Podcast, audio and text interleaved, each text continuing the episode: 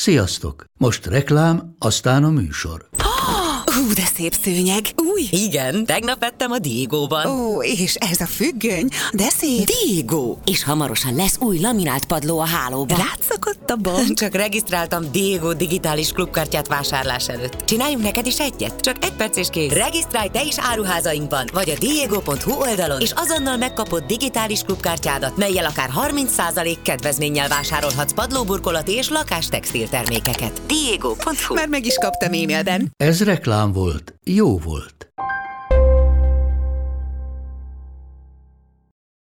Ez itt az Instyle magazin Képes vagyok podcastja. Tabu témák, társadalmi szerepvállalás, korlátok átlépése, szakmai teljesítmények. Ismert emberek és hétköznapi hősök képes vagyok történeteibe és életébe nyújtunk betekintést hétről hétre, akiknek tettei és küldetése sokaknak adhatnak inspirációt és támogatást. A műsorvezető Alberti Petra Bianca. Pataki Ági modell, üzletasszony és producer ma is képes a megújulásra, a változásra, a titka pedig az időtlenség. Az évek múlásával egyre szabadabbnak érzi magát, a jelenre fókuszál. A szépség kortalanságáról, karrierről és élettanulságokról beszélgettünk. Szeretettel köszöntöm a kedves nézőket és hallgatókat. Ebben az adásban a vendégem Pataki Ági, akivel az Insta képes vagyok megmutatni a szépség kortalanságát kategória jelöltjeként beszélgettünk már a Dietadó Gálán is, és nagyon szépen köszönöm Ági, hogy elfogadtad a meghívást, nekem mindig egy nagy élmény, hogyha találkozunk. Hát én köszönöm, hogy meghívtatok. Mit szóltál, erről már beszéltünk a Gálán is, de, de mit szóltál a jelöléshez?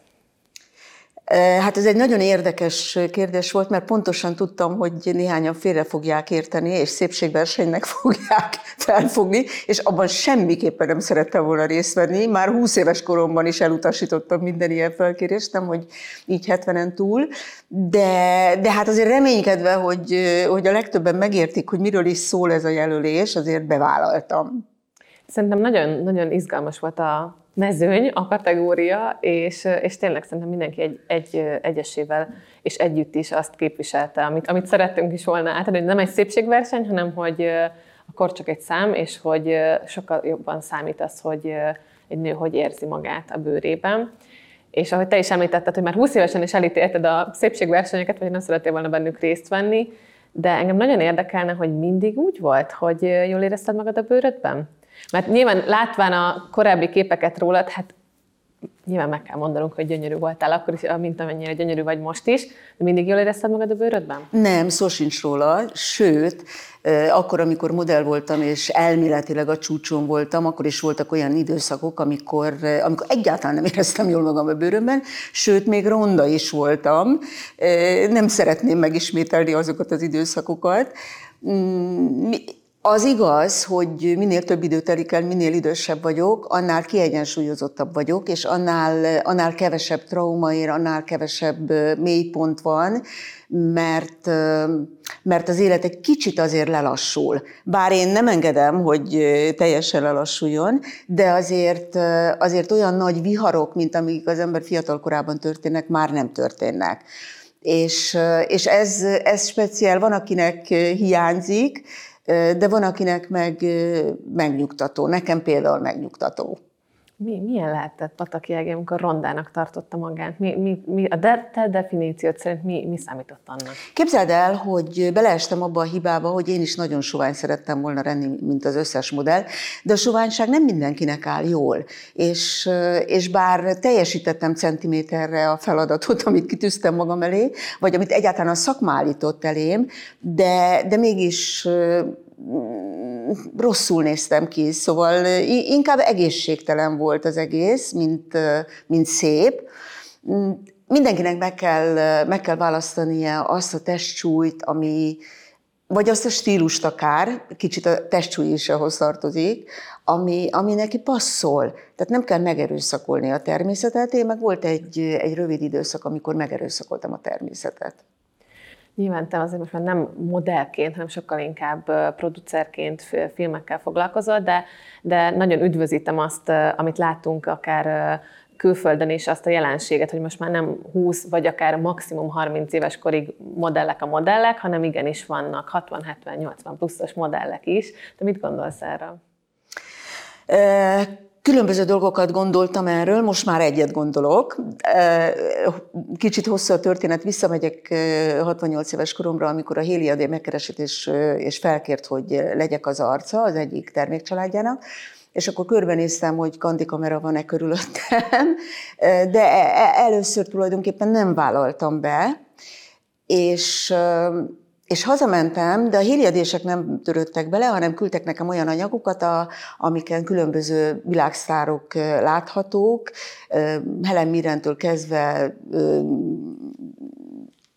Jane Fondáig, hogy ugye a legismertebbeket említsem csak, akik, akik bevállaltak kozmetikai termékek reklámozását, és nyilvánvalóan nem azért, mert nem volt mit tenniük, és annyira szükségük volt a pénzre, hanem ennek volt egy, volt egy üzenete részükről. És akkor arra gondoltam, hogy ha ezt így nagyban a világban megcsinálják, akkor ebben én is szeretnék részt venni, és kicsiben itthon végül is bevállaltam, és nagyon örülök, hogy bevállaltam, mert ez talán inspiráció lehet másoknak is.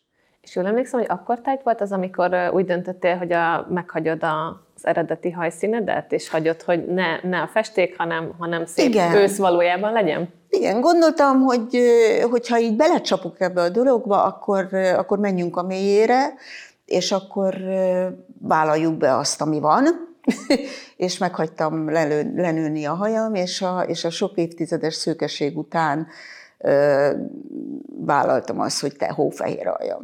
És milyenek voltak erre a visszajelzések?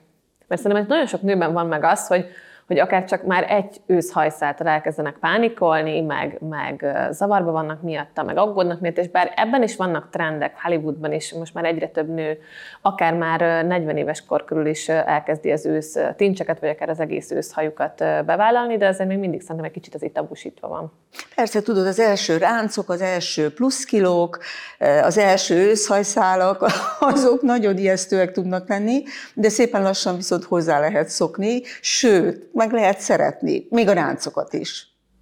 Amit mondtál, hogy a szakma és te magad is azt a követelményt támasztottad magad elé modellként, hogy minél soványabbnak kell lenni, minél soványabbnak kell kinézni, hogy ö, szerinted van egy pont, ahol ezt egyénenként a modelleknek fel kell ismerniük, hogy nem szabad magukat befolyásolni, mert sokkal fontosabb az, hogy ők hogy érzik magukat, mint hogy mit várnak el tőlük.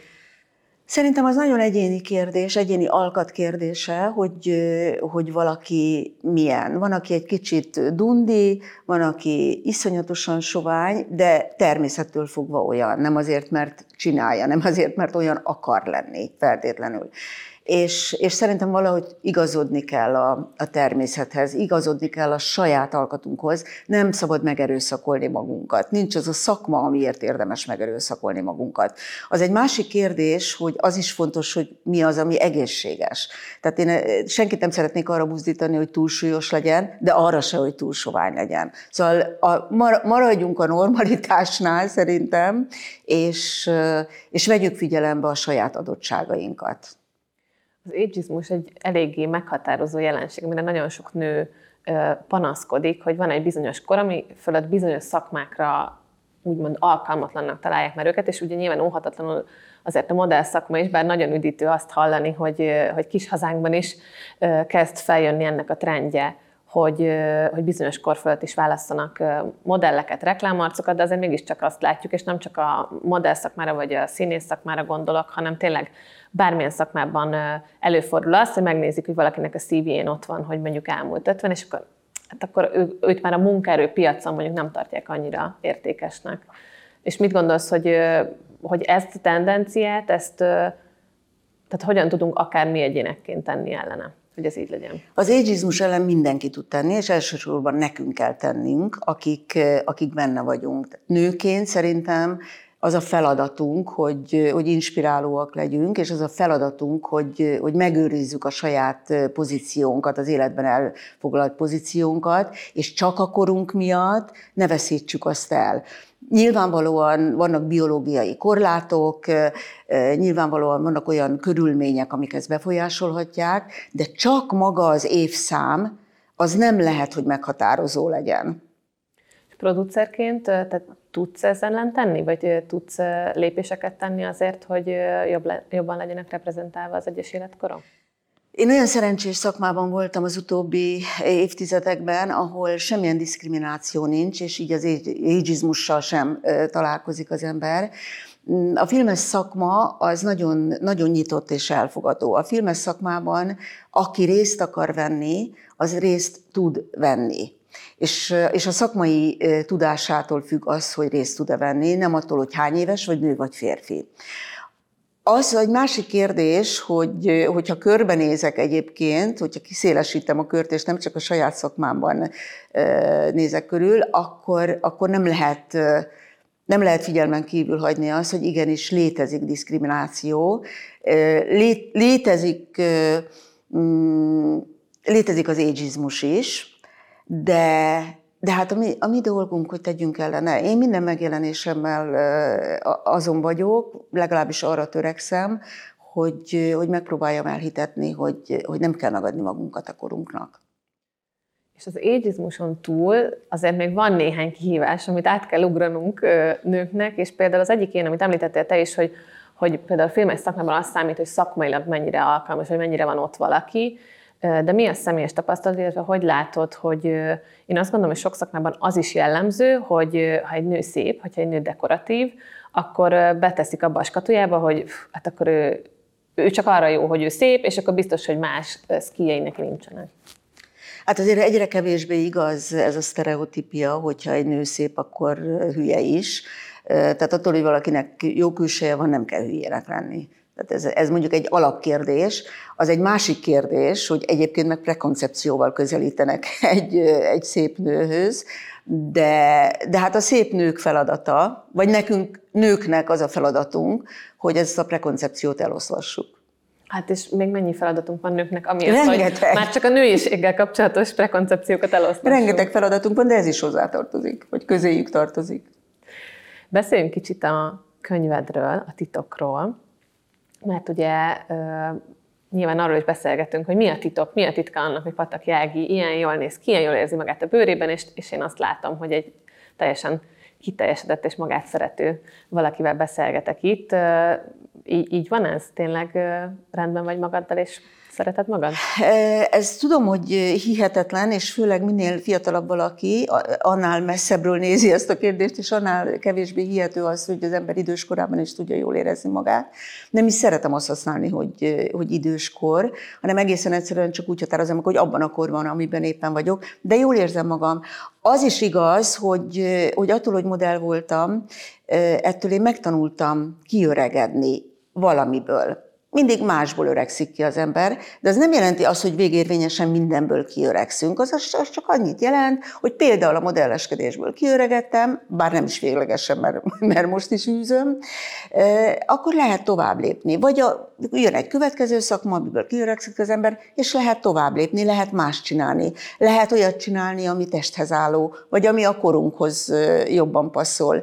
Tehát Feladni semmiképpen nem kell, és a korunknak megadni magunkat pedig semmiképpen nem kell. Én, én amíg biológiaiak ez lehetséges, biztos, hogy, hogy talpon leszek és megyek előre. Egyébként ez bizonyítja az is, hogy, hogy most két évvel ezelőtt, körülbelül két évvel ezelőtt kijöttem a, a saját brandembel, aminek az a, az a neve, hogy titok, Patakiági titok, és pont azért az a neve, hogy titok, mert mindenki azt kérdezi, hogy mi a titok. Hát a titok, a, hát a titok az, hogy, hogy, hogy nem szabad leállni, hogy nem szabad feladni, hogy, hogy meg kell őriznünk a, az energiáinkat, hogy, hogy ki kell találnunk, hogy mit csináljunk, ha már valami elmúlt mindig elmúlik valami, de lehet tovább lépni. Nem kell feltétlenül visszafele lépni. Nem kell belepunyadni a fotelba, nem, nem kell csak tévét nézni, lehet olvasni, lehet színházba járni, lehet moziba járni. Fontos, hogy odafigyeljünk az egészségünkre, de fontos, hogy odafigyeljünk a, a külsőnkre is. Ez a brand, amit én létrehoztam, ennek az a lényege, hogy egyszerre fókuszál a külsőre, és az egészségre, mert a kettő elválaszthatatlan egymástól, és minél idősebbek vagyunk, annál kevésbé elválasztható. Azt említetted, hogy kiöregedni valamiből, és ezt feldolgozni, és aztán tovább lépni egy következő feladatra, de azért mégis csak szerintem ez a tehát már maga az is félelmetes, hogy a kiöregedést úgymond azt elfogadni, de hogy tovább lépni a következő feladatra, és már korábban is ugye voltál már az Instagram a címlapján, és akkor interjúztunk, és akkor is mesélted, hogy pontosan ezt, hogy, hogy te mindig akkor találsz egy következő feladatot, és tovább lépsz a következő feladatra. Honnan jön ez a lendület? Azért nagyon sok minden fejben dől el.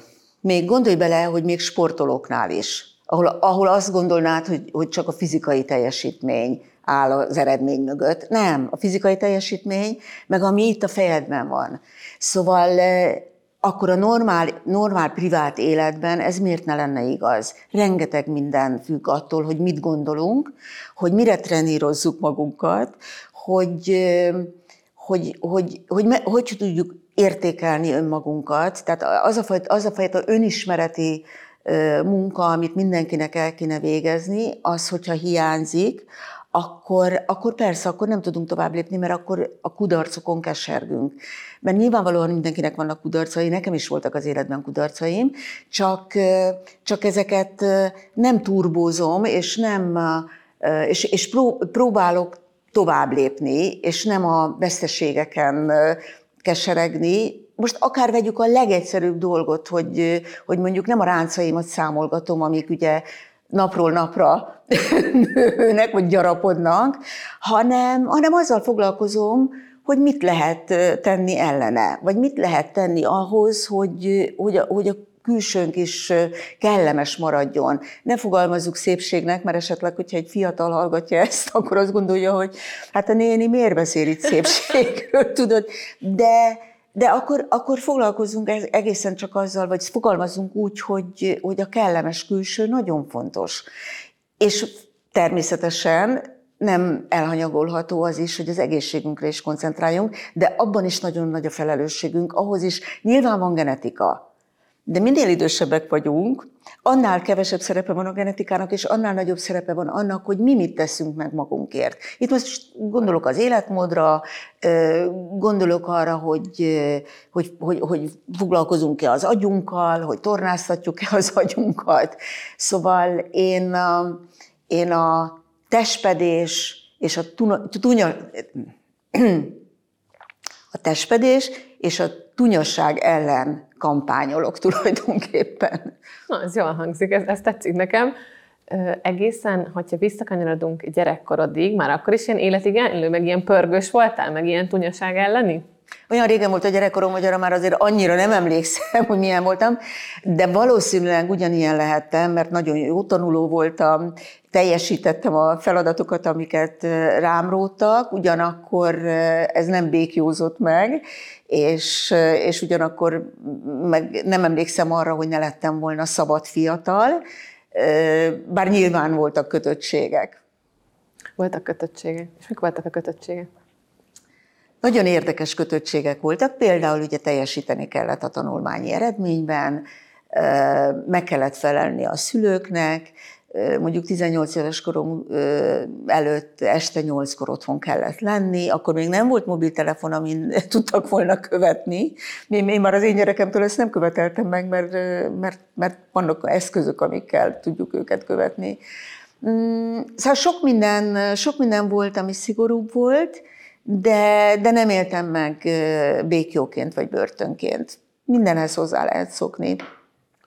És a modell szakmáról kicsit beszélgetve még, ugye annak is a megítélése, meg az azzal kapcsolatos percepciók is nagyon sokat változtak szerintem az évek alatt, de abban az időben, amikor te elkezdtél modellkedni, akkor ott voltak erős előítéletek ezzel kapcsolatban, vagy az ott akkor egy inkább vágyott szerep volt, mint, mint sem olyan, amit akár egy a külsőségek miatt így elítélendőnek tartottam.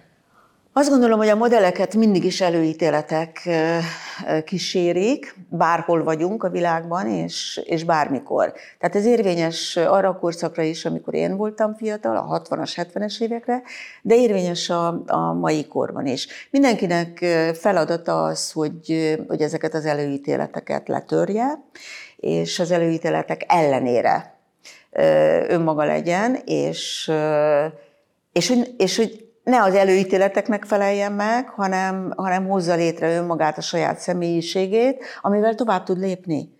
Mert a modelleskedésnek a legérdekesebb és a legfontosabb sarokpontja az, hogy pillanatokra szól. Ezt annak ellenére mondom, hogy én 20 évet töltöttem el a modell szakmában, ami viszont egy elég kivételes helyzet, tehát abszolút atipikus, de, de úgy kell belefogni, hogy, hogy tudomásul veszem azt, hogy, hogy pillanatokra szól, azokat a pillanatokat kell kihasználni, de mindig a fejünkben kell legyen az, hogy, hogy készüljünk a következő lépésre. Mit gondolsz, minek köszönhető ez a, az atipikus jelenség, hogy te nem egy pillanatra, hanem 20 évig voltál modell szakmában aktívan? Hát ez megfigyel, megfigyelhető a, a világban, hogy, hogy azok a modellek, akik, akik nevet tudtak úgymond maguknak szerezni, tehát nem csak egy arcuk van, hanem az archoz név is párosul, amit az emberek megjegyeznek, azok sokkal tovább tudnak dolgozni, mert ott, ott azokban az esetekben már nem csak az üdesség, a fiatalság számít, hanem, hanem, hanem az is, amit egyébként úgy összességében képviselnek.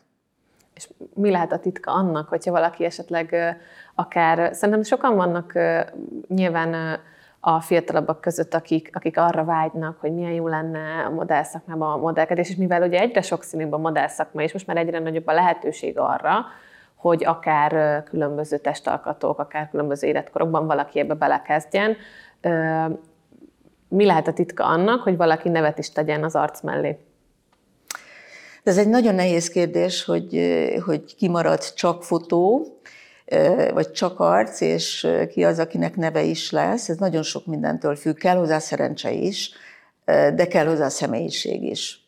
Egy, egy üres tekintetű, buta tekintetű nőből, akármilyen gyönyörű, annak sosem lesz neve. Persze rövid távon igen. Most nem, nem, nem, nem akarom azt mondani, hogy csak az, csak az értelmes tekintetű nők tudnak érvényesülni, de hogyha így körbenézzünk a világban, azok, a, azok, a, azok az arcok, ahova név is tartozik, azok, azokhoz mind egy személyiség is tartozik. Tehát nem csak az arcukat ismerjük, nem csak a nevüket tudjuk, hanem, hanem egy kicsit azt is tudjuk, hogy ők milyenek, milyen személyiségek.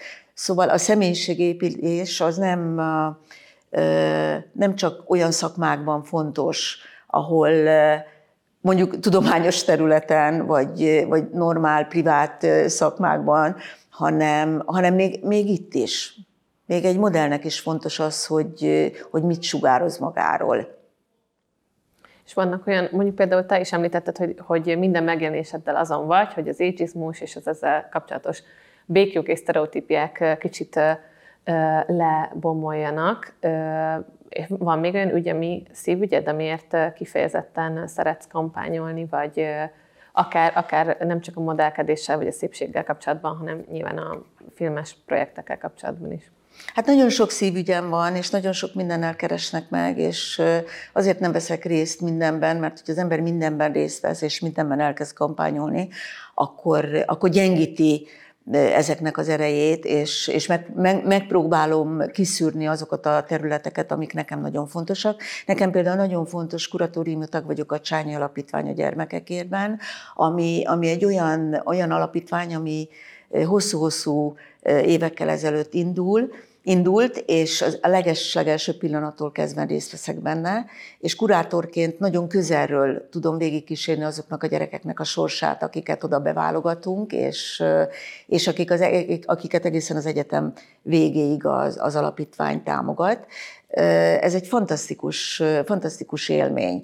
De pont azért, hogy, hogy ne aprózódjak el, mert minden olyan alapítványban szívesen részt vennék, amely a gyerekekért tesz, vagy akár a, ezek általában nyilván hátrányos sorsú gyerekekről szólnak ezek az alapítványok. Mindegyikben szívesen vennék részt, de ebben tudok úgy részt venni, hogy tényleg, tényleg belelátok, és tényleg látom azt, és átélem azt, ami ott történik.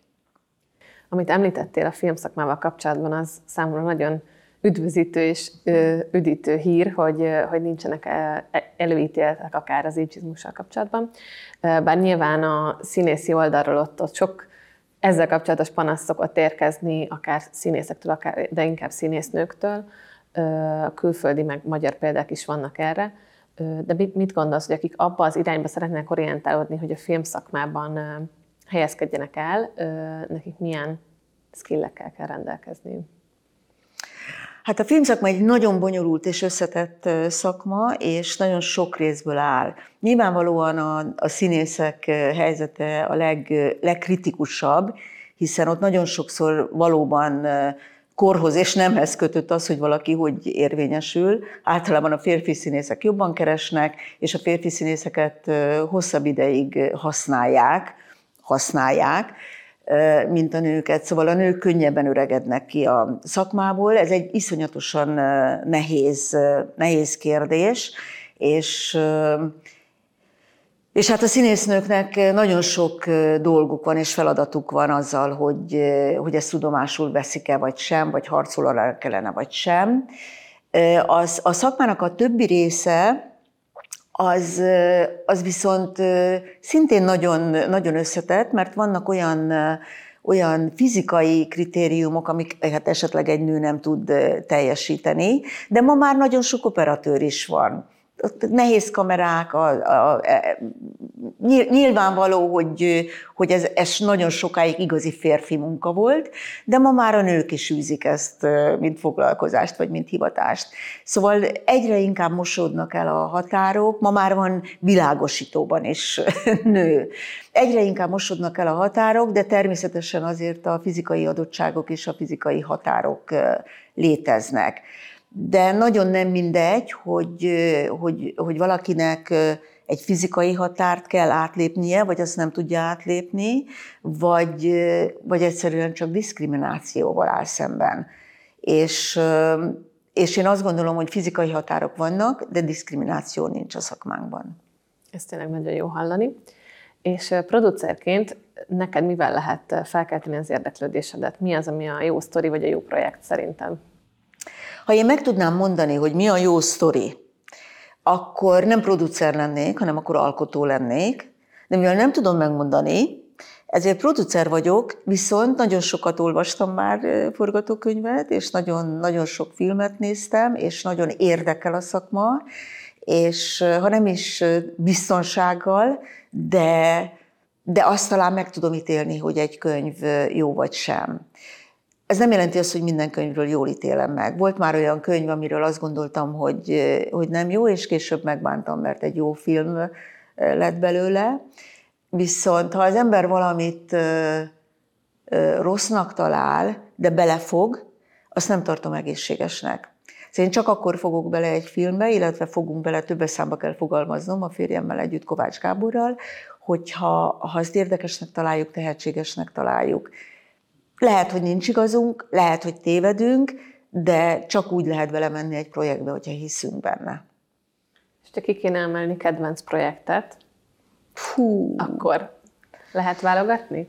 Hú, hát van miből válogatni, mert elég nagy a portfóliónk, és, és nagyon nem szívesen emelek ki semmit, mert, mert minden filmünket szerettünk, még, még azokat is, amik esetleg nem voltak olyan sikeresek.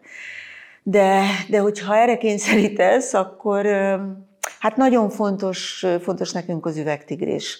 Már csak azért is, mert, mert az első produceri munkám volt, meg azért is, mert még mindig itt van közöttünk, és még mindig él a film. Abszolút kultfilm vált belőle, mind a háromból. Vagy, vagy hát nagyon-nagyon fontos nekem Hajdú Szabolcsnak az összes filmje, de talán a fehér tenyér az, ami, ami, ami a legközelebb áll a szívemhez, lelkemhez. Egy, egy igazi örögérvényű film, szerintem. De, de tudnám sorolni, csak annyira félek, mert minél többet mondok, annál kínosabb, ami kimarad. És hogy nyilván, aki benne van a filmes szakmában, kíváncsi lennék, hogy tud-e úgy filmet nézni, vagy akár sorozatot nézni, hogy ezt a szakmai oldalt elengedi, és csak a popcorn fogja a kezében, és csak szórakozik, vagy rögtön szakmai szemmel nézed a filmeket? Ha egy film leköt, akkor közben nem foglalkozom azzal, sem azzal, hogy, hogy tehát részletekkel, például nem foglalkozom azzal, hogy ez mennyiből készülhetett, vagy van-e egy rossz pillanat, nincs rossz pillanat, hiányzik valami, vagy nem hiányzik, mert jó és kész. Ha egy film ö, szuper jó, akkor utólag keresem a megfejtést Utól, utólag gondolkodom azon, most sokat beszélgetünk arról, hogy mitől jó, meg hogy készülhetett, meg mennyiből készülhetett, szóval egy csomó kérdés van. Ha meg, ha meg rossz egy film, akkor azt egyáltalán nem akarom megfejteni, azt el akarom felejteni. Szerintem ezzel mindig vagyunk. Igen. A rossz filmeket inkább elfelejteni. Említetted, hogy a férjeddel mindig többes számmal beszélsz, mert közös, közösen dolgoztak a projekteken és a filmeken. Azért ez egy érzékeny ö, szituációt tud teremteni, nyilván férj és feleségként ö, együtt dolgozni. Vannak nehéz pillanatok, vagy milyen, milyen a közös munka? Hát vannak nehéz pillanatok az életünkben, nem csak a film kapcsán, hanem a privát életünkben is, mert nagyon sok mindenben nem értünk egyet, de végül is mindig dűlőre jutunk egymással, és végül is, mivel jól érezzük magunkat egymás társaságában, e, és szívesen dolgozunk együtt is, ezért ezek, a, ezek feloldódnak, ezek a problémák. Volt már olyan film, amiben, amiben nem értettünk egyet, de olyat nem készítettünk el, tehát csak olyannak futunk neki, ami, ami mind a kettőnknek szívügye. Mert, mert ha, ha szívügyünk és ha mindent beleteszünk, ha tehetséges az alkotó, akkor is tud félrecsúszni egy film. Nincsenek garanciák. De, de ha úgy futunk neki eleve, akkor, akkor nagyobb a szansz, hogy félrecsúszik. Tehát mindenkinek, az alkotóknak is, meg, meg mindkettőnknek hinni kell abban, amit, amit csinál. Szóval mindig konszenzusra jutunk a végső soron, akármilyen viták is előzik meg. Azt gondolom, hogy egymásban is hisztek, mert hogy amikor látlak titeket együtt, mert sok rendezvényre is együtt tudtok érkezni, hogy egy ilyen nagyon összeszokott és erős párost alkottok, és mi sem De az, ne, az nem jelenti azt, hogy nem vesztünk össze azon, hogy milyen cipőt vett fel, vagy felvette inget, vagy nem vett fel. Tehát lehet, hogy, lehet, hogy összeveszünk otthon, de öt perc múlva viszont szuper jóba vagyunk. Az jó, hogyha csak öt perc, és aztán kibékültek. Akkor Kb. öt percig tartanak a viták, igen. És hogy, hogy akkor én úgy láttam, hogy tényleg nagyon támogatjátok egymást, meg hisztek egymásba. Hogyan ismerkedtetek meg?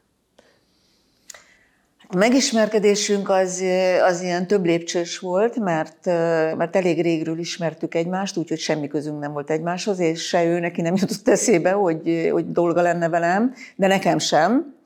És, és egyszer csak, amikor ő is egyedül maradt, meg én is egyedül maradtam, akkor, akkor ő úgy meséli, hogy én vetettem rá szemet, de az én verzióm az, hogy ő vetett rám szemet.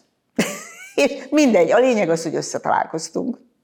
És ő, ő mennyire tudja könnyen viselni azt, hogy az egész ország szerint az egyik leggyönyörűbb nő vagy Magyarországon? Ja, Istenem. Figyelj, figyelj ő, ő nagy drukkerem. Szóval ő egy, egy, ő egy igazi támogató férj, támogató apa, és nem is tudok elképzelni mást az életemben, vagy más társat, mert, mert azok a férfiak, akik, akik otthonról rugaszkodnak el, tudod, úgy párosával a feleségükről, azoknál valami nagyon hiányzik, vagy valami nagyon nem stimmel. Ő nem, ő nem rugaszkodik el rólam, hanem, sőt, mindent megad, ami, ami egy nőnek szükségeltetik ahhoz, hogy, hogy magabiztos tudjon lenni. És mondtál is, hogy nagy drukkered, ezt tényleg azért jó hallani, mert hogy, hogy te is említetted, sokszor van olyan, hogy, hogy a férfiak inkább, bár nyilván nem, nem általánosítanék, szóval van olyan, amikor a nők csinálják ezt, de hogy, hogy a férfiaknál is nagyon jellemző szokott lenni, amikor a nőket kicsit így ebbe a szürke egér szerepbe próbálják letolni, meg nem hagyják őket szárnyalni, kiteljesedni, mert hogy a férfi legyen a sikeresebb, ők stb. stb. stb. De hogy... Igen, nagyon sok férfi kompetencia harcnak tekinti a házasságot, de nem az. És akkor nálatok ez így rendben van, akár szakmailag, akár magánéletben, akkor így egyenlő felekként tud. Teljesen mindegy, hogy melyikünknek van és miben sikere, a másik tud örülni őszintén. Ennyi. Szerintem ez szuper, úgyhogy ez, ez is egy titok, ami... Ez is egy titok. ez is egy titok. Jó, hát de, ezt is, de ezt is lehet tanulni. Tehát mindent lehet tanulni, és ezt is lehet tanulni. Párkapcsolatot építeni, megtartani, sőt, még a szeretetet is lehet tanulni. Nyilván kell hozzá az ösztön, kell hozzá az érzelem, az őszinte érzelem, de vigyázni rá lehet. És akkor az egyik titok, hogy hinni kell egymásban, támogatni egymást? Hinni kell egymásban, támogatni kell egymást, nem versenytársa az embernek a társa, hanem, hanem támogatója legalábbis a mi kapcsolatunk így működik. Lehet, hogy valakit inspirál, hogyha el akarják taposni, engem nem inspirálna egyáltalán. Nagyon fontos az, hogy senki ne legyen kiszolgáltatottja a másiknak. Általában a nők kiszolgáltatott, vagy nagyon sokszor, nem általában, de nagyon sokszor kerülnek kiszolgáltatott helyzetbe, főleg egzisztenciális kérdések miatt. Na ez az, amit, amit nagyon egészségtelennek tartok, és, és nem bátorítok senkit arra, hogy, hogy egyedül élje le az életét, de arra mindenkit bátorítok, hogy olyan életet, vagy olyan egzisztenciát építsen fel, amiben akár egyedül is elboldogul, mert akkor nem lesz kiszolgáltatott, hiába esetleg nem elég segítő társra talált. Szerintem ez egy nagyon szép gondolat zárásképpen, úgyhogy én csak szeretném megköszönni a beszélgetést neked, Ági, és tényleg lenyűgöző, amit akár, akár a magánéletedben, akár a karriered kapcsán látok, úgyhogy szerintem ezt a bizonyos titkot, meg ezt a sok titkot, amit most elárultál nekünk, ezt, ezt érdemes meghallgatni, és érdemes továbbvinni, úgyhogy köszönöm neked a beszélgetést. Csak meg kell öregedni hozzá, és ilyen egyszerű. Köszönöm szépen. Köszi.